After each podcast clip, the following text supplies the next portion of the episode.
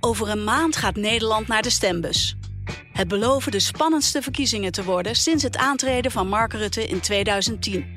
In het Haags kwartiertje praten de politiek verslaggevers van de Telegraaf je iedere dag in 15 minuten bij over de strijd om het torentje. Dat is dus echt gewoon een verkiezingsstunt. Het lijkt wel een beetje wanhoop om toch maar aandacht te krijgen. Ook bellen ze iedere dag met een politiek orakel over wat hen is opgevallen in verkiezingstijd. Dat is natuurlijk eigenlijk te gek voor woorden en iemand in de overheid heeft daar dus mee geblunderd. Het Haags kwartiertje. Vanaf maandag 23 oktober, iedere werkdag om half vijf op de site en app van de Telegraaf en in je favoriete podcast-app. Deze podcast is mede mogelijk gemaakt door Obam Investment Management. Al ruim 85 jaar Nederlandse beleggingshistorie met beleggen in aandelen wereldwijd. Ervaren, actief en met een duurzaam rendement investeren in uw financiële toekomst. Obam Investment Management, de kunst van het kiezen. Kijk op obam.nl voor meer informatie.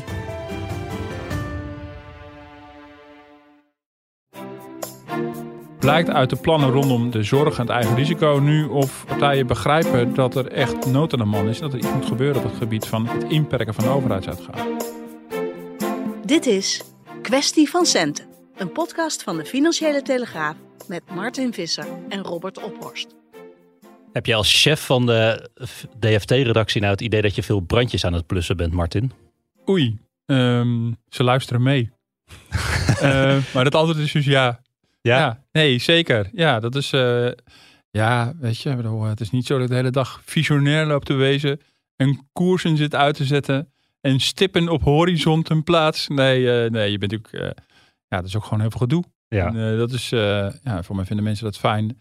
Dat de chef het gedoe oplost. Ja, die kijken dan ook naar jou om het op te lossen. Ja, los het voor me op. Ja. Nou, ik was eh, vandaag eh, letterlijk brandjes aan het blussen, want ik had mijn BHV herhaalcursus. Dus ik stond hier net eh, voor het gebouw met, met, met de brandblussers in de weer.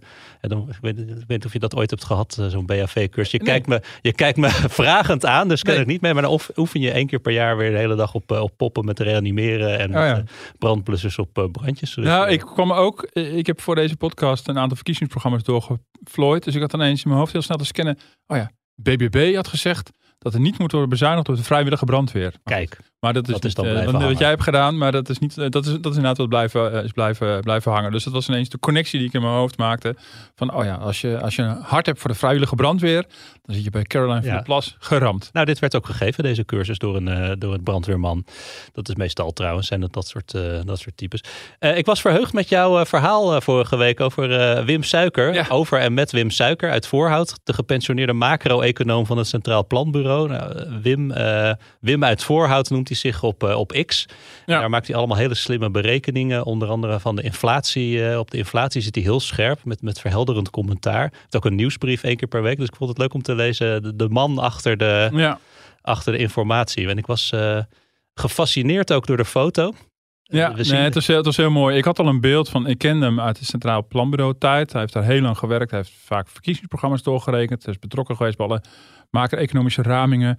En ik vond het fascinerend hoe hij op de socia- sociale media gewoon maar door bleef gaan met grafieken uitstoten. En, en op een gegeven moment ook verkiezingsprogramma's ging zitten doorrekenen. En ik had altijd een beetje dat romantische beeld van, ja, dat is een, een, een gepensioneerde rekenaar op zijn zolderkamertje. En die blijft maar door en door en doorgaan. En gelukkig eh, bij de foto eh, bleek inderdaad, hij zit op zijn zolderkamer. Eh, en zit hij inderdaad gewoon achter meerdere schermen. Ja. Zit hij driftig alle economische analyses te maken in zijn gepensioneerde vrije tijd. Hij, Ja, hij zegt dat ook. Ik, ik, doe ook nog wel dingen die, die, geacht worden, die geacht wordt te doen als gepensioneerde. Zoals wandelen, fietsen en lezen. Maar Ja, eh, hij kwam ook niet aan al het, al het lezen toe. Nee, ik was gefascineerd door dat bureau inderdaad. Je ziet er een soort helverlicht eh, licht opeens op, op, op, op, op lichten. Maar, maar ik, ik dacht toch van, wat is dat nou? Is het een terrarium? Staan daar servers te snorren om al die, eh, die slimme berekeningen te ondersteunen? Maar jij hielp me uit de droom. Het is, het is gewoon een soort, soort Ikea... eh, ja, het was minder spannend dan jij, dan jij dacht. De mensen moeten maar de, de krant van vorige week even bijpakken. Maar eh, Vorige week ja. donderdag was het, geloof ik. En, Ja. Ja, nee, maar het is geweldig. Want zo'n man is een bron van informatie. Zeker. En hij houdt ook de programma's tegen het licht die niet door het planbureau zullen worden doorgerekend. Omdat die niet meer daar worden ingeleverd. Dus, het is echt van waarde ook wat hij ja, doet. nuttig werk, absoluut. En volgens mij een leuke man. Ja, zeker.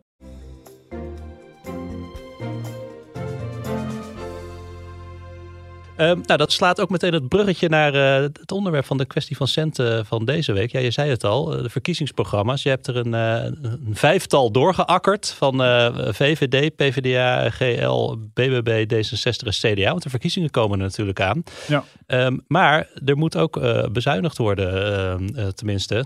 Dat was het advies van ambtenaren van de studiegroep eh, Begrotingsruimte eh, onlangs. Eh, vanaf eh, uiterlijk 2028, zo'n 17 miljard euro per jaar. eh, om de begroting weer, eh, de staatsfinanciën weer op orde te krijgen. Nou, daar zei jij Ja. al van toen we het eerder eh, over hadden. Succes ermee in verkiezingstijd. Ja. Nou, we gaan zien wat er nu van terecht komt.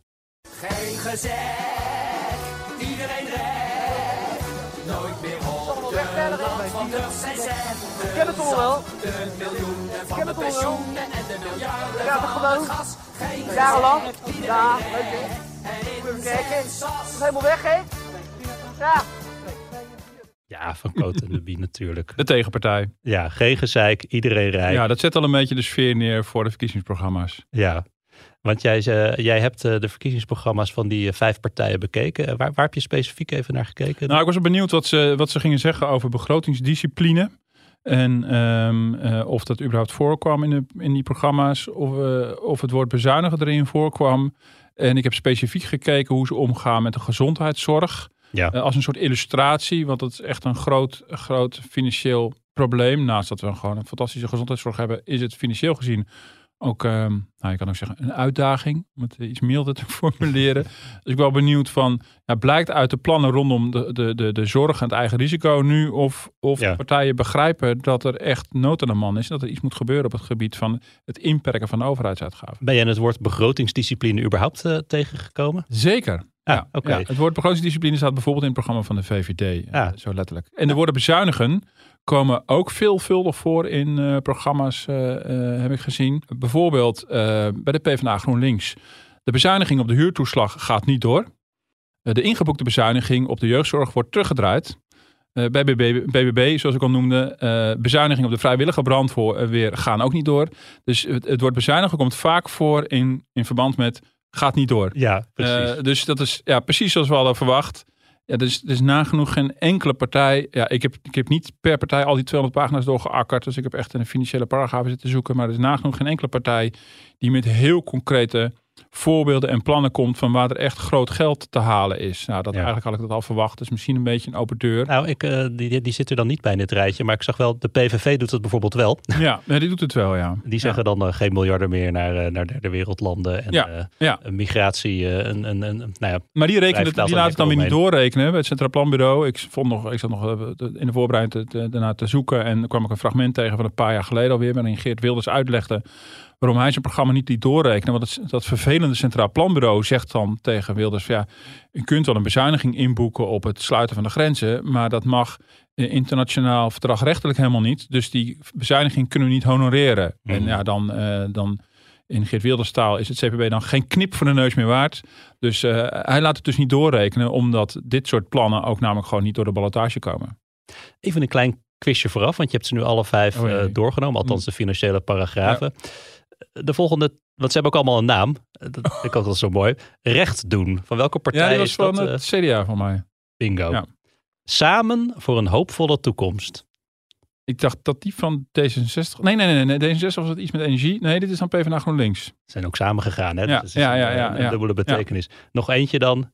Nieuwe energie voor Nederland. Maar dit was D66. Ja. Ja, ja er zit weer energie in. En Had ook Volt kunnen zijn. Ja, had ook Volt kunnen weet je zijn. hoe Volt het, het, het verkiezingsprogramma heet? Ja. Eh, onderstroom. Nee, geen idee. Toekomst. Oh, toekomst. Nu. Toekomst nu. ja. Nou, dan heb je nog een Pardon? ja. Even één seconde stilte. Toekomst nu. Maar goed, ja. Maar dat op Ja. zich klopt het wel. Ja. Want eh, elke keer als je even wacht, dan is nu weer de toekomst. Ja. Nee, Nou, dus het wordt een beetje- het wordt een beetje Escheriaans, een beetje surrealistisch. Ja, maar dat vind ik echt een hele rare titel. Ja, Goed. het zijn hele slimme mensen hè, bij Hmm. Volt. Vooral dat nu. Even nog voor de volledigheid. Dan heb je nog de VVD ruimte geven, grenzen stellen en iedere dag beter. Ja, ja, ja. Nee, dus eh, nee, om die reden moet je het allemaal niet gaan lezen. Oh, de- overigens ook nog leuk. Even een kleine side note. Wim Suikert heeft de krant niet gehaald.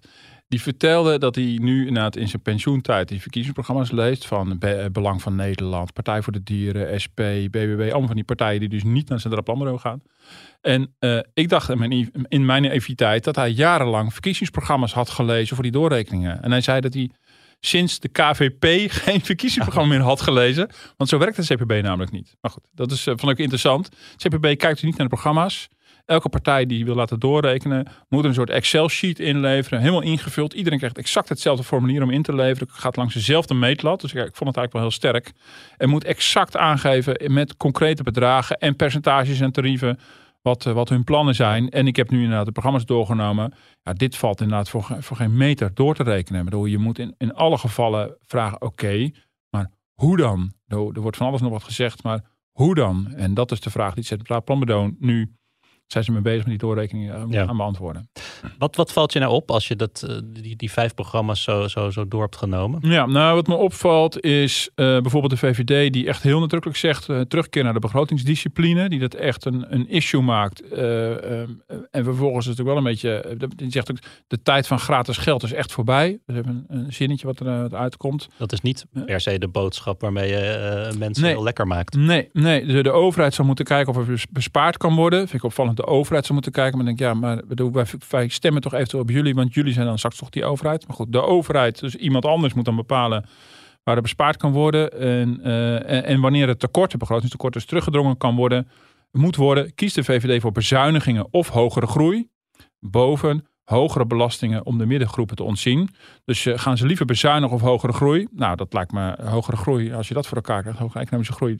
Lijkt me dat. Zou ik daarvoor kiezen? Ja, toch? Liever hogere groei dan al het andere. Maar eh, nee, maar dit, dit geeft er aan dus, dus wel dat ze dus wel een focus hebben eh, eh, op, eh, op, op prudentie en eh begrotingsdiscipline. En dat ze het benoemen. Maar ja, ook hier is ja, maar oké, het is allemaal mooi Ja. gezegd, maar hoe ga je dat dan doen? Ja. En dat zie je bij, nou, de VVD is dan nog het soort van het strengst in dit benoemen. Eh, maar je ziet wel alle partijen duidelijk wel worstelen hiermee. Van ja, eh, de afgelopen jaren met de coronacrisis en energiecrisis was het logisch blijkbaar om heel veel geld te geven. Maar ja, dat is, het CDA zegt ook, maar dat is niet houdbaar. Een, een verwacht begrotingstekort, zegt het CDA, van bijna 4% over een aantal jaar. Dat is gewoon niet houdbaar. Dus de overheidsuitgaven, lezen letterlijk voor, moeten worden aangepast. Maar ze zeggen ook weer, er moeten gerichte lastenverlichtingen en investeringen komen. Dus, dus je ziet dat ze, dat ze het wel benoemen, maar er tegelijkertijd mee worstelen. Dat is de PvdA GroenLinks, die aan de ene kant eh, zegt, van ja, we moeten niet als een malle gaan bezuinigen. Maar het moet wel, eh, er moet wel meer stabiliteit komen in het begrotingsbeleid. Dus ook echt een apart kopje in dat programma. Eh, dus niet te hard op de rem als het wat slechter gaat. Maar ook niet hard gas geven als, het, als het goed gaat. Maar ja, het blijft allemaal onduidelijk van wat wil je dan precies. En dat is natuurlijk lastig. En ik begrijp het natuurlijk volkomen. Want dat is precies de moeilijke boodschap eh, in, in verkiezingstijd. En dan moet je het op een gegeven moment concreet gaan maken. En daartoe dwingt het Centraal Planbureau is natuurlijk wel, nou ja, eh, ook D66, dan maak het rijtje toch nog even af, vindt het onwenselijk dat, dat we structureel boven de 3% begrotingstekort dreigen uit eh, te komen. Nou, dat is toch verrassend, want zij hebben zelf de minister van Financiën geleverd. Dus ze zien ook wel dat deze financiën uiteindelijk niet, niet houdbaar zullen zijn. Ze willen ook dat de Tweede Kamer ook medezeggenschap eh, heeft. eh, dat zie ik bij partijen, dat de zeggenschap is over al die grote fondsen. Dus dat, dat ook vanuit het parlement wel greep blijft op, eh, op die eh, miljardenfondsen. Nou, en BBB heeft natuurlijk, denk ik, het wonderlijkste programma. Ehm, eh, daar blijft, blijkt helemaal niet duidelijk uit wat ze nou precies op financieel-economisch terrein willen. En het bleek, Wim Suiker is die weer, vond het ook best wel lastig om die programma's door te rekenen. Want degenen die niet naar de Centraal Planbureau gaan, doen het niet voor niks niet. Want die zijn ja, zo mogelijk nog vager dan de pa- partijen die wel naar het eh, planbureau toe gaan. Ja. Nee, maar daarom heb jij dus ook gekeken naar zo'n eh, zo'n heikel onderwerp als zorg en eigen risico. Om, om daar eh, te zien van oké, eh, hoe, ga, hoe vertaalt Ja. zich dat dan naar zo'n zo'n moeilijk dossier? Nou, we Precies. hebben twee Ja. weken geleden, was dat twee weken geleden? Ja, twee weken geleden hier, daar was ik niet bij, maar heb jij met Klaartje, collega Klaartje en Willemijn uitgebreid gehad over de uitdagingen in, in de zorg. Hè, de zorgkosten die enorm stijgen. Zeg het maar, wat zeggen de partijen daarvoor? Ja, nou, de, ik, dat is inderdaad een soort illustratie. Omdat je ziet dat de zorgkosten enorm toenemen. En eh, ja, dat is ook een interessant spanningsveld. We willen met z'n allen heel graag goede gezondheidszorg. En we hebben er ook best wel veel geld voor over. Maar het wordt ook wel heel erg duur. En uit alle adviezen blijkt, dit gaat ook onhoudbaar worden. Dat duwt allerlei andere overheidsuitgaven en collectieve uitgaven weg. Betaalbare en eerlijke zorg voor iedereen heet het dan zo'n beetje in alle programma's. Ja, nou dat zijn bijna verkotende bierachtige termen, toch? Ik bedoel, ja, dat, dat, dat willen we allemaal wel. Ehm, eh, maar ik, ik bedoel, die partij die doornam, niemand zegt dat het eigen risico omhoog moet. Eh, vind ik opvallend. In Nederland is het eigen risico 385 euro. Dat is voor sommige mensen echt veel geld. Dat realiseer ik me heel erg goed. Maar internationaal gezien, dat hebben we in de vorige podcast ook behandeld, is dat echt laag. En het is ook al jaren bevroren. Nou, nagenoeg alle partijen die ik eh, bekeken, die zeggen ook, houd, be- bevries het maar. Sterker nog, sommige partijen Ja. willen gewoon helemaal van het eigen risico af. PvdA En- en GL. En, en maakt eh, totaal niet duidelijk hoe ze dat gaan doen. Dus dat vond ik wel, eh, nou ja, daar, daarbij is bijvoorbeeld inderdaad PvdA GroenLinks echt heel opvallend. Die, die zeggen gewoon van, eh, eh, ik bedoel, er komt een lagere zorgpremie voor iedereen. Eh, ja, eh, leuk. Ja, dat zou ik ook wel willen. Ik bedoel, ja, je kan ook de bierprijs verlagen. Maar eh, Ja, Mondzorg, fysiotherapie en an- andere vorm van, vormen van wat zij dan noemen noodzakelijke zorg terug in het. eh, Ja, dus ze gaan het pakket vergroten. Eh, ze willen het eigen risico stapsgewijs afschaffen. Ehm, eh, dus dat is echt wel. Dus het, het verplichte eigen risico moet afgeschaft worden. Het vrijwillige eigen risico wat je daar bovenop kan doen, dat moet helemaal verdwijnen. Want dat zou dan niet solidair zijn. De premie gaat omlaag. Ehm, daarmee kunnen ze ook de zorgtoeslag afschaffen, zeggen ze. Nou, dat zou misschien in principe een ruil kunnen zijn. Als je de premie weet te verlagen, hoef je mensen ook niet meer tegemoet te komen via een, via een toeslag. Dat is natuurlijk wel eh, opvallend. De premie wordt dan voor iedereen verlaagd. En die toeslag is natuurlijk alleen voor lagere inkomens. Maar goed, ik ben benieuwd hoe dat in de corporaplaatjes uitpakt. Maar tegelijkertijd, PvdA GroenLinks willen wel het pakket uitbreiden met wat je al zei, mondzorg, fysiotherapie en andere zorg. Dus het is natuurlijk heel opvallend dat je dus wel onderkent dat er iets moet gebeuren, maar tegelijkertijd niks durft te zeggen. Kwam onlangs op een, bij een van de symposium iemand uit het VVD-partijprogramma, of, eh, verkiezingsprogramma commissie ook tegen. Die ook zei, we hebben daar enorm mee geworsteld eh, met het zorgparagraaf. Maar we ontkwamen er toch niet aan om daar iets concreets over te zeggen. De VVD zegt wel wat aantal dingen over hoe het allemaal beter kan. Maar dat is toch... Het We ontkwamen er toch niet aan om iets concreets nou, over die, te ik vond het in die zin eerlijk. Ik kan geen naam noemen, het was toch een beetje in, in de Mhm. receptiesfeer, zeg maar. eh, eh, dus het was niet bedoeld voor, eh, voor in de krant eh, of op de podcast. Maar ik vond toch wel de worsteling van ja, dus die partijen hebben natuurlijk, dat, dat was een bevestiging van ik al dacht, hebben het allemaal geworsteld. van, Ja, we weten dat het een groot probleem is. Ja, hoe expliciet we erover zijn in ons verkiezingsprogramma, ja, hoe, ja, hoe, hoe kwetsbaarder we ook zijn tijdens de verkiezingen. En dat is natuurlijk, eh, dat- maar dat, dat maakt natuurlijk tegelijkertijd een probleem. Want jij en ik gaan stemmen, en onze luisteraars ook, mag ik hopen. En willen natuurlijk wel weten, waar stemmen we dan precies voor? Eh, dus eigenlijk zijn partijen vermoedelijk iets van plan. Maar dat schrijven ze niet op. Want dat, ja, dan word je toch een soort autoverkoper, toch? Eh, die, die zegt, nou, heeft een oud vrouwtje ingereden en eh, eh, 15.000 op de teller. Dat je ondertussen denkt, ja, maar dit klopt helemaal niet. Nou, zo moet je ook naar die verkiezingsprogramma's kijken. Nou ja, we hadden onlangs eh, in de krant ook Bram Woutersen, gezondheidseconoom aan de Erasmus Universiteit. En eh, die zei, dat was een, in een verhaal naar aanleiding van eh, de miljoenennota en de algemene politieke beschouwingen, als ik het goed heb. Maar die zei van ja, eigenlijk zou een beetje meer marktwerking in de zorg, in Ja. ouderenzorg specifiek, juist wel goed zijn. Ja, een hele impopulaire boodschap. Dat zei hij er ook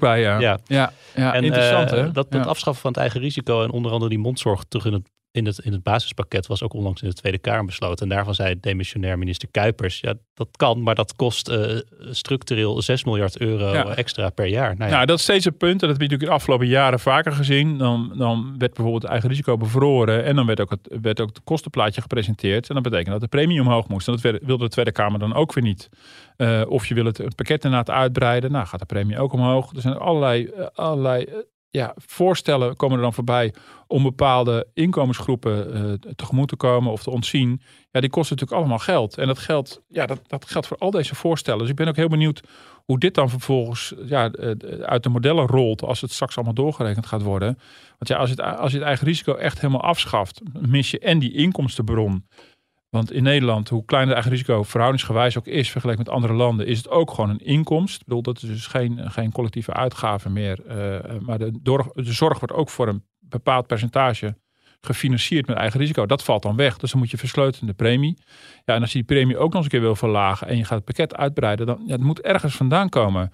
Ja, of je laat dus toch de zorgkosten ongebreideld eh, groeien. Ja, en dan, maar dan maak je ook geen werk van, zoals we begonnen, van die begrotingsdiscipline. Want we wilden ook de boel op orde hebben. Dat zie, de meeste partijen willen dat op, op een manier. Niet meer zoals tijdens corona en energiecrisis, gewoon ongebreideld eh, eh, Ja. ja, alle remmen los. Ja, en dat is een worsteling waar die partijen niet echt uitkomen. En ik ben benieuwd of ze stiekem wel bepaalde plannen hebben die ze niet bekendmaken. Of dat ze het ook gewoon domweg echt niet weten. Ik weet niet, een BBB zegt ook eh, eigen risico verlagen en eh, op termijn misschien afschaffen. CDA zegt eh, eigen risico bevriezen. kijken of je iets van eigen betalingen van kan maken. Dat je, dat je per behandeling betaalt en niet in één klap het hele geld kwijt bent. Maar die willen het instrument gaan evalueren. Ja, allemaal, dus iedereen zit met het eigen risico in zijn maag. Terwijl alle economen zeggen, ja, dat zou je eigenlijk moeten verhogen. En, en Mhm. in België dat remgeld. Beetje een raar begrip. Maar dan remt het de vraag naar zorg af. Maar wij in Nederland zijn meer gericht op de mensen die mogelijk niet of te laat naar een arts gaan vanwege het eigen risico, dan op het remmend effect op de totale uitgaven. Dat zijn twee perspectieven op hetzelfde, op hetzelfde issue. Is het ooit anders tijdens verkiezingen? Dat in, dat in de verkiezingsprogramma's wel eh, eh, expliciet wordt gerept over bezuinigen. En dat ook wordt benoemd en eh, wordt aangegeven waar het geld. eh, nou, uiteindelijk ook in die zin is het niet nieuw. Meestal als het concreet is, dan gaat het over het, nou, wat, wat je net al noemde, Wilders die natuurlijk migratie wil stoppen. Ehm, dan eh, dingen dus, die dus eh, arbeidsrecht of eh, internationaal verdragrechtelijk niet kunnen. Of het gaat over het schrappen van ambtenaren. Dat is wel populair. Ik dus er zijn wel bezuinigingen denkbaar die je goed kan verkopen. Meestal zijn ze niet reëel, niet haalbaar, wensdenken. Dus, maar dat bestaat ook wel. En er zijn ook wel voorbeelden in de- deze programma's waar gekeken wordt van nou, of je iets met, met, de, met de medicijnen kan doen. Dat je misschien daar wat van af kan halen. Maar het is heel vaak in efficiënter werken. Ehm, dat soort dingen. Ehm, ja, en ik snap best, want dan, dat, dat, eh, dan kom je natuurlijk bij de, bij de onderbuik van heel veel mensen terecht. Van zie je wel, al die eh zakkenvullers in Den Haag. Het zijn veel te veel ambtenaren. En met je hele idee, net als van Brussel altijd denken, dat het een enorm moloch is. Dat, ja, als je heel eerlijk bent, een redelijk efficiënt, efficiënt, in ieder geval de Europese Commissie, een efficiënt ambtenarenapparaat is. Maar dan is het idee van, ja, als je dat halveert, dan hebben we alles opgelost. Ja, ik ben bang dat dat niet gaat werken, ook niet bij ambtenarenapparaat in Nederland. Ja, daarvoor is het aandeel op de totale uitgaven gewoon te klein. Dat gaat niet. Ik bedoel, de, de grote bulk zit in wat geven we uit aan zorg in het ziekenhuis? Wat geven we uit aan uitkeringen? Wat geven we uit aan onderwijs? Dat zijn de grote klappers. Ja, en daar willen we heel graag dat ons geld aan naartoe blijft gaan. Nou, verkiezingsprogramma's eh, bieden dan weinig, eh, weinig houvast om dat allemaal eh, te bepalen. Ook, ook als kiezer zijnde. Misschien dat tijdens de komende debatten daar wat meer helderheid in wordt geschapen. Vanavond zei u, genoeg is genoeg. Even voor de duidelijkheid, geen cent meer naar Griekenland. Zo is het. Eh, dan zal de heer Samson zeggen, maar als er nou een beetje geld naartoe moet, hè, want anders valt Griekenland eruit, en dat is mijn antwoord, dan kunnen de Grieken het zelf regelen. Als Griekenland belt, dan is dat voor een groot tweede, derde steunpakket. En dan ben ik tegen. Ja, dat was eh, Mark Rutte in eh, 2012. Ja, ze kunnen het wel, hè, concreet worden. Ja. Kan wel. Ja. Nou weten allemaal hoe dat is afgelopen. Ja. ja, we hadden ook een fragmentje over de 1000 euro erbij kunnen zoeken van Rutte. ja. We hadden een fragmentje erbij kunnen zoeken van Geert Wilders. Die zei dat de verhoging van de AOW-leeftijd absoluut een breekpunt was. Eh, en op de avond van de uitslag van de verkiezingen in 2010 dat alweer, eh alweer een terugtrekkende beweging maakte. Nou, het, bedoel, het het zijn maar gewoon een paar partijen, maar dat, bedoel, dat doet natuurlijk uiteindelijk iedereen. En eh, onder de mond van ja, je moet concessies sluiten en compromissen. En Maar goed, Dus- het is, eh, concessies zijn één ding, maar de verkiezingen ingaan met de slogan hypotheek aftrek staat bij ons als een, als een huis. ja, en vervolgens inbinden. Ja, ja, dat is- ja, een huisbedrijfshand. Ja, nee, dat is. eh, ja, ik denk dat Geert Wilders was, heeft het wel het bond gemaakt. Door, eh, want het is wel echt, het is wel, gaat wel vrij ver om iets echt een breekpunt te noemen. En het dan eigenlijk al voordat de onderhandelingen zijn begonnen, om dat dan weg te geven. Dat is wel vrij bijzonder. Wat je ook nog hebt, een fenomeen, ook heel interessant, is. eh komt toch nog even op die doorrekeningen. Eh, partijen eh, die eigenlijk pas bij de doorrekeningen laten blijken wat ze echt willen. Het is een beetje een oud voorbeeld. Ik heb daar destijds zelf over geschreven, omdat ik toen in Den Haag werkte. Ik, vond het, ik vond het echt een eye-opener van hoe het kan gaan. Dat, ik was met mijn collega de doorrekening van een planbureau aan het doornemen. Eh, en we zagen ergens in een voetnoot staan iets over eh, eh, een bepaalde een van de inkomstenpost die we niet konden thuisbrengen. In die, in die voetnoot stond dat het CDA iets wilde gaan doen met de ontslagvergoeding. Dat stond nergens in het verkiezingsprogramma. Ja, En het kan dus ook dat iets wat zo controversieel is, dat was toen vrij controversieel, het, want het ging dus niet over het uitbreiden van de ontslagvergoeding, zul je begrijpen, maar het inperken daarvan, het ontslagregime werd strenger. En dat was dus ingebracht in die oeverloze gepingpong tussen mensen van de partij en van het Centraal Planbureau eh, om het hele financiële plaatje rond te krijgen. En toen bleek dus gewoon dat ze, terwijl het nergens in het programma stond, eigenlijk van plan waren om de ontslagvergoeding vergoeding aan te gaan pakken. Ja, ik vond het echt, eh, ik denk van, oh, maar zo gaat dat dus. Toen heb ik dat voor het eerst gezien. Gaat dat dan ook zo bij zo'n partij eh, dat ze dat van tevoren ook niet bedacht hadden, maar dat tijdens die berekening dat ze achterkomen, ja, dat geld moet ergens vandaan komen. Heb ik dus daar nooit kunnen dat, achterhalen, maar ik vermoed dat ze het eigenlijk altijd al wel wilden. Ja, in allebei de gevallen is het raar. In het ene geval is het vals, in het andere geval is het dom. Toch? Ik bedoel, eh, ja, ik weet niet wat erger is. Maar in het ene geval hou je iets achter wat gevoelig ligt en wil je het al wel, maar eh, eh, blijkt pas bij die doorrekeningen. En dan moet je verduveld goed kijken in die stukken om het eruit te vissen. in dit geval. In het andere geval verzin je ter plekke omdat je ziet dat, de doorrekeningen van het planbureau niet gunstig zijn. Dat is de kritiek die er ook is op het planbureau. En dat is wel deels terechte kritiek, denk ik. Ehm, dus daar kan ik wel eens meegaan. Namelijk dat je eh, gedwongen wordt. ehm, eh, ja, je komt soms, heb ik in ieder geval de indruk, in een soort van onderhandelingsspel met het planbureau. En als partij wil je heel graag dat je er goed uitspringt. En dan ga je voor gekheid met allerlei dingen verzinnen. Net zo lang tot de gewenste resultaat eruit komt. En dat is dan het tweaken. Dan ga je in allerlei knoppen zitten draaien. Iets wat men natuurlijk bij, bij de formatie uiteindelijk ook doet. En bij elk moment dat de koopkracht plaatjes ergens uitrollen, doen ze natuurlijk ook dat Mhm. tweaken. Dus het, dit, deze doorrekening moedigt dat wel aan. En Dat is het nadeel. Maar ja, het, ik heb toch wel zoiets, ja, ga wel met de billen bloot. Je weet ook wel wat ze echt willen. En, en destijds was al het idee van, maar willen ze dat? Van was het in de tijd van Ja. minister Donner en zo. En nou, toen, eh nou goed, eh, ja, dat zijn van die voorbeelden. Het, eh, eh, ik geloof de tweede week van november komen de doorrekeningen weer. En dan is het echt heel interessant, dat zullen onze collega's de parlementaire redactie ook doen, om de doorrekeningen naast de verkiezingsprogramma's te leggen. Om te kijken van, wat, waar, waar zitten de verschillen? En waar wordt het concreter en waar is het echt anders dan, eh, dan Ja. men had gezegd. Nou, wij gaan daar natuurlijk zeker over berichten. Maar heb Ja. je ook het idee dat de, meeste kiezers daar genoeg van meekrijgen? Want die gaan straks die, al die, eh, die kieswijzers invullen. En dat is Ja. meestal op basis van de Ja, verkiezingsprogramma's. zeker. Kijk, die, die, eh, dat, dat stuk van het planbureau, keuzes in kaart heet dat. Dat is, dat is, niet, te doen, dat is niet te doen. Dat is gewoon echt een, een technisch ding. Ik bedoel, eh, eh, dat is gewoon heel veel. En eh, dat is niet echt voor het brede publiek, denk ik. Dat zo, voor mij is het ook helemaal niet bedoeld. Ehm, dus dat is waar. Maar het is wel, het, het is wel van belang. Want het is, ehm, het is ook de basis voor eh, vervolgens voor, voor de formatie en voor de onderhandeling over een regeerakkoord. Want ook de partijen die nu niet laten doorrekenen, zoals BBB en de partij van Pieter Omtzigt, als die nog hoop hebben om straks aan de formatietafel te zitten, zullen hun plannen koet koet door die molen heen gaan. Mhm. Eh, en het is voor de formatieonderhandelingen juist heel handig om als een soort input eh, met die tabellen van het planbureau te beginnen. Eh, nou, je kan van alles nog wat vinden van, misschien vind je dat een enorme Haagse werkelijkheid, maar dat is wel hoe het is om van meet af aan gedisciplineerd en in het gareel te gaan spreken. Niet gewoon maar vrijelijk om wat te gaan zitten fantaseren aan die tafel. Dus in die zin is het wel heel van belang, al zal het grote publiek dat dus niet bekijken. Die gaan eh, naar debatten kijken. Eh, het is wel weer voer voor de campagneteams die natuurlijk van de tegenpartijen gaan bekijken van hey, wat kunnen we hier uithalen. Nou, dat voorbeeld in 2006 van het CDA van ontslagvergoeding heeft Wouter Bos toen aangepakt. Die dacht Jan-Peter Balken een tik op zijn neus te geven. Uh, Balken was geprepareerd en zei toen die befaamde woorden, u liegt en u bent niet eerlijk. Uh, die gaf er meteen een sneer overheen. Aanval was de beste verdediging en dat is blijven hangen. En dat Wouter Bos eigenlijk een punt had dat het CDA heel sneaky met iets kwam. Uh, dat heeft hij niet goed uit kunnen spelen. Dus in die zin, die doorrekeningen zijn niet voor, uh, voor, voor iedereen heel, erg toegankelijk en interessant. Maar ze zullen wel munitie zijn voor de campagneteams. Om vervolgens, en tot overigens ook weer tot vermoeiens toe. Ik bedoel, die voorbeelden kennen natuurlijk ook nog.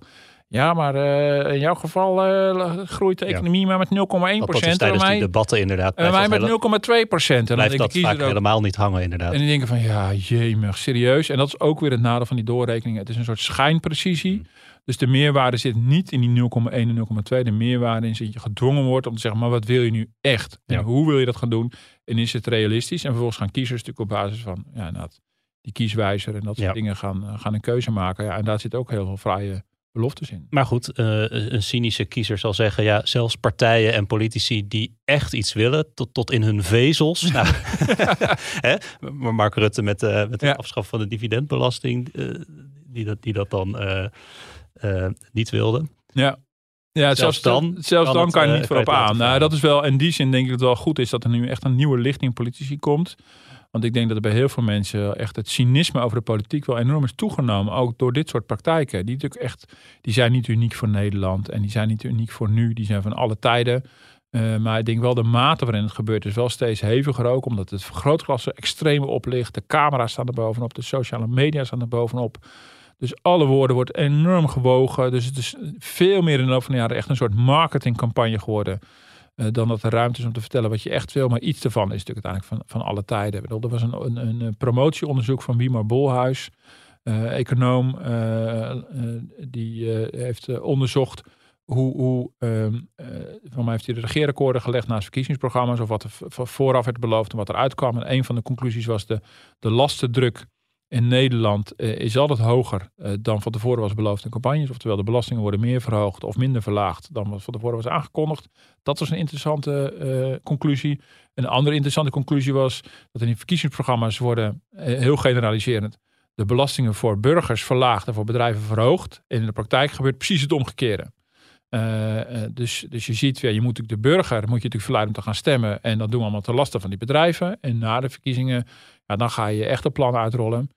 Nou denk ik dat dit in de laatste jaren misschien wel een beetje veranderd is. Omdat ik zie dat het, dat het sentiment in politiek Den Haag ten aanzien van het bedrijfsleven, hebben we ook al vaker over gehad, het veranderen is. Dit, dit, zou goed nieuws zijn voor het bedrijfsleven dat nu ja. vaak roept, we voelen ons de pinautomaat van Precies. Ja, dus, uh, uh, dus ik denk dat het ook wel iets is over van de afgelopen jaren. Dat dat, dat dat deel wel aan het veranderen is. Maar je ziet dus wel dat er een groot verschil is. Dat wat er van tevoren wordt gezegd over wat men gaat doen met belastingen. En dus ook met uitgaven. En wat men in de praktijk dan daarna doet. Dan kom je natuurlijk wel, ja, dus dan kom je weer in de rauwe werkelijkheid terecht. En dan blijken al die mooie plannen helemaal niet zo makkelijk te kunnen. Of, uh, dus, dus nog los van het feit dat je een compromis moet sluiten. Want dat accepteert iedereen, dat begrijpt iedereen is het ook zo dat je natuurlijk ja, al het mooie weer moet eruit en alle uh, praatjes voor de vaak moeten eruit. En dan blijf je met een rauwe werkelijkheid over. En die is altijd minder gunstig dan, uh, ja. dan die roze wolk die ons was voorgespiegeld. Nou is er één partij uh, die grote kans maakt om wel aan die formatietafel te behandelen, maar die nog geen verkiezingsprogramma heeft. Nou, Partij van Pieter Omtzigt. Ja. Heb je nog een vrijblijvend advies? en die gaan niet naar laten doorrekenen. Want Pieter Omtzigt heeft in zijn boek uh, uh, heeft hij het planbureau gefileerd om die reden die ik allemaal noemde. Dus die wil daar niet, niet in meegaan. Nou ja, ik heb niet zozeer een advies als dat ik wel gewoon... nou, bij hem is het natuurlijk wel interessant dat hij natuurlijk nu een beetje zo dat aura om zich heen heeft van totale authenticiteit. En nou, what you see is what you get. Hij is echt en eerlijk. Dus ik ben heel benieuwd hoe hij daar uit gaat komen met zijn programma ook hij zal compromissen moeten sluiten. En op een gegeven moment ook pijnlijke dingen moeten verkopen. Ik ben dus wel heel benieuwd of hij dat op een manier gaat, gaat en durven. ook op een gegeven moment dingen verkopen. Want hij ja. maakt tot nu toe ook wel soms op sommige dossiers een beetje een wijfelachtige indruk. Ja, zeker. Dus dat was ook, hij moet echt uh, in die zin echt, echt, keuzes maken. En ik ben vooral, uh, dus in die zin geen advies, maar wel benieuwd van ja, je kan nu die CPB-molen verachtelijk vinden, maar straks moet je er toch in. Ik bedoel, want stel nu even dat je dat niet zou willen en partijen gaan formeren zonder dat ze gaan doorrekenen. Dat zou een unicum zijn.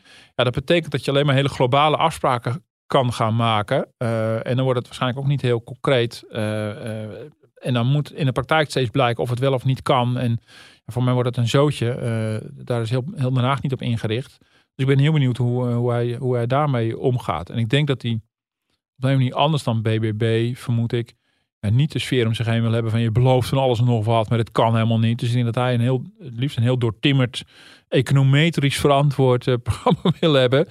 Ja, wat dan ook nog moet aanspreken. Dus in die zin ben ik daar wel heel nieuwsgierig naar uh, wat het, uh, hoe hij dat gaat aanpakken. Nou, dat was hem weer. De bel van de rondvraag. Ja, ja. De afsluitende rubriek. En jij hebt uh, allemaal uh, leuke dingen gedaan de afgelopen weken. Dus je hebt vast nog wel iets uh, ik, ik, was, ik, was, ik was twee weken vrij. En wij waren met de auto en onze 14-jarige zoon naar, naar Duitsland gereden. Langs Hannover, naar, eerst naar Leipzig en dan toen naar Dresden. En weer terug. Ik was er nog nooit geweest. Maar het is zeker een aanrader. Ja, ik vond vooral Dresden oh ja. vonden wij een erg mooie stad. toch nog. Want hè, ik, ik had ook het beeld van dat is een soort vuurzee veranderd tijdens ja. de Tweede Wereldoorlog. Ja. En er is niks meer van over. Maar dat, dat viel uh, gelukkig mee. En een hele leuke, ja, hele leuke ontspannen sfeer ook. En dat heb je een paar keer in Berlijn geweest. En dat is natuurlijk heel groot. Maar daar heb je ook in sommige wijken een beetje die, die relaxte sfeer. Nou ja. Die je hier ook hebt. Ik, ik ben er nooit geweest. Uh, ik denk meteen aan het Stenen Bruidbed van Harry Mulisch. Met de, op de cover inderdaad. En, uh, Dresden dat helemaal gebombardeerd is. Maar dat speelde toch daar. Maar, eh, goed, ik, ik moet er eens een keer naartoe.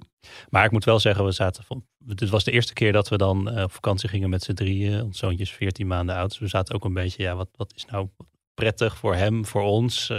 Nou, hier waren we op uitgekomen en hij moet dan een ochtendslaapje, heeft hij een middagslaapje. En zoals het gaat bij stappenteller, de- of eh, bij een stedentrip, de stappenteller eh, draaide overuren. Maar aan het eind van de dag hadden we toch heel veel minder gezien dan, eh, dan we als we met z'n tweeën waren geweest. En Maar toch is het leuk dat je bent geweest. Dat je het gevoel Ja. hebt van, dit doen we toch gewoon. En wat dan ook wel echt heel ontnuchterend is, dan ligt hij op bed rond een uurtje of zeven, half acht. En normaal zou, heb je dan nog een hele avond voor je, maar nou, er komt, komt heel weinig meer van terecht. Die, Ja, die heel- oogleden heel- worden heel zwaar en om zes uur eh, Ja. wordt hij ook weer wakker. Dus nou is heel ja, herkenbaar. Op die manier zijn we ooit met onze dochter van 13 maanden naar Istanbul geweest. En we hebben in een week tijd ongeveer evenveel gezien als mensen in anderhalve dag. ja. En we waren vooral met flesjes en papjes en weet ik wat in de weer. Maar, eh, maar goed. Maar ik heb de afgelopen week eh, proberen te lezen in jouw enorme boekentip over Elon Musk. Eh, waarvoor dank. Eh, ja, die ik zelf helemaal niet aan het lezen ben of heb gelezen. Ja, nou, ik heb zo ontzettende spijt. Ja, ik, ik weet Maar jij bent ook een beetje vastgelopen, vertelde je. Ja, nee, inmiddels ben- heb je het weer opgepakt. Ja, nee, nee, ik ben vastgelopen. Ja, Want je was enthousiast. ik begon heel enthousiast. Ja. ja, ik blijk toch niet geïnteresseerd zijn in elk boutje en moertje in de Tesla. Dat is toch een beetje het probleem. En ook niet in die van, eh, van die raketten van SpaceX. En, En zo gedetailleerd is dat boek dus. ja, ja, het is hartstikke goed geschreven. Het is bewonderenswaardig hoeveel bronnen die hij heeft. Het is echt ongelooflijk met medewerking van Elon Musk en alle mensen om hem heen. Dus het zou eigenlijk, mijn DFT-hart zou heel hard moeten gaan kloppen. Ja, en toch, ehm, ja, nee. Maar ben jij zo'n lezer die hier dan nog weken tegenaan gaat zitten hikken en zich Ja. er doorheen gaat worstelen? ja, hij Of- ligt, of het ligt hier op tafel klaar. kan jij ook gewoon op een gegeven moment besluiten, ik, ik, ik stop ermee? Nee, dat vind ik heel moelijk. Nee, ik, eh, nee, die punt zet ik niet. Nee, ik ben ondertussen wel gewoon in platform van Willa Beck begonnen. Bedoel, eh, gewoon fijn een roman. Dat vind ik gewoon veel prettiger. Dus ik denk, ja, dat gaat over het echte leven. In mijn Ja. optiek gaan, gaan, gaan die fictieboeken over het echte leven. En het andere vind ik zo'n zo'n gedoe. Maar ik ga het nog wel een keer uitlezen. Dan meld ik het ergens in, in de podcast van eind 2024 of zo. Platform, dat, dat is geen heel opwekkend, oh, eh, opgewekt boek, toch? Ik kan me niet, helemaal meer herinneren. Nee, Dat al zijn gelezen, boeken zijn niet zo opgewekt. De elementaire deeltjes was in ieder geval nog hilarisch. eh, Op een rare manier. Maar dit is, eh, het is allemaal vrij treurig. Maar goed, daar ontleed me dan toch nog meer plezier aan dan Dan is het zoveelste buitje van de Tesla. alle huwelijken van Elon Musk. En oh, serieus. En weer een raket de lucht in die ontploft. En ik denk van, get on met dit. Ik weet hoe het afloopt. Ja, ik, eh, ik heb er het geduld niet voor. Het is echt heel merkwaardig. Maar eh, ja, ik ben niet gefaald als, als hardcore DFT'er, ben ik bang. Ik geef het toe. Toch maar weer terug naar het brandjes blussen. Martin, dankjewel en tot eh, de volgende. Tot de volgende keer.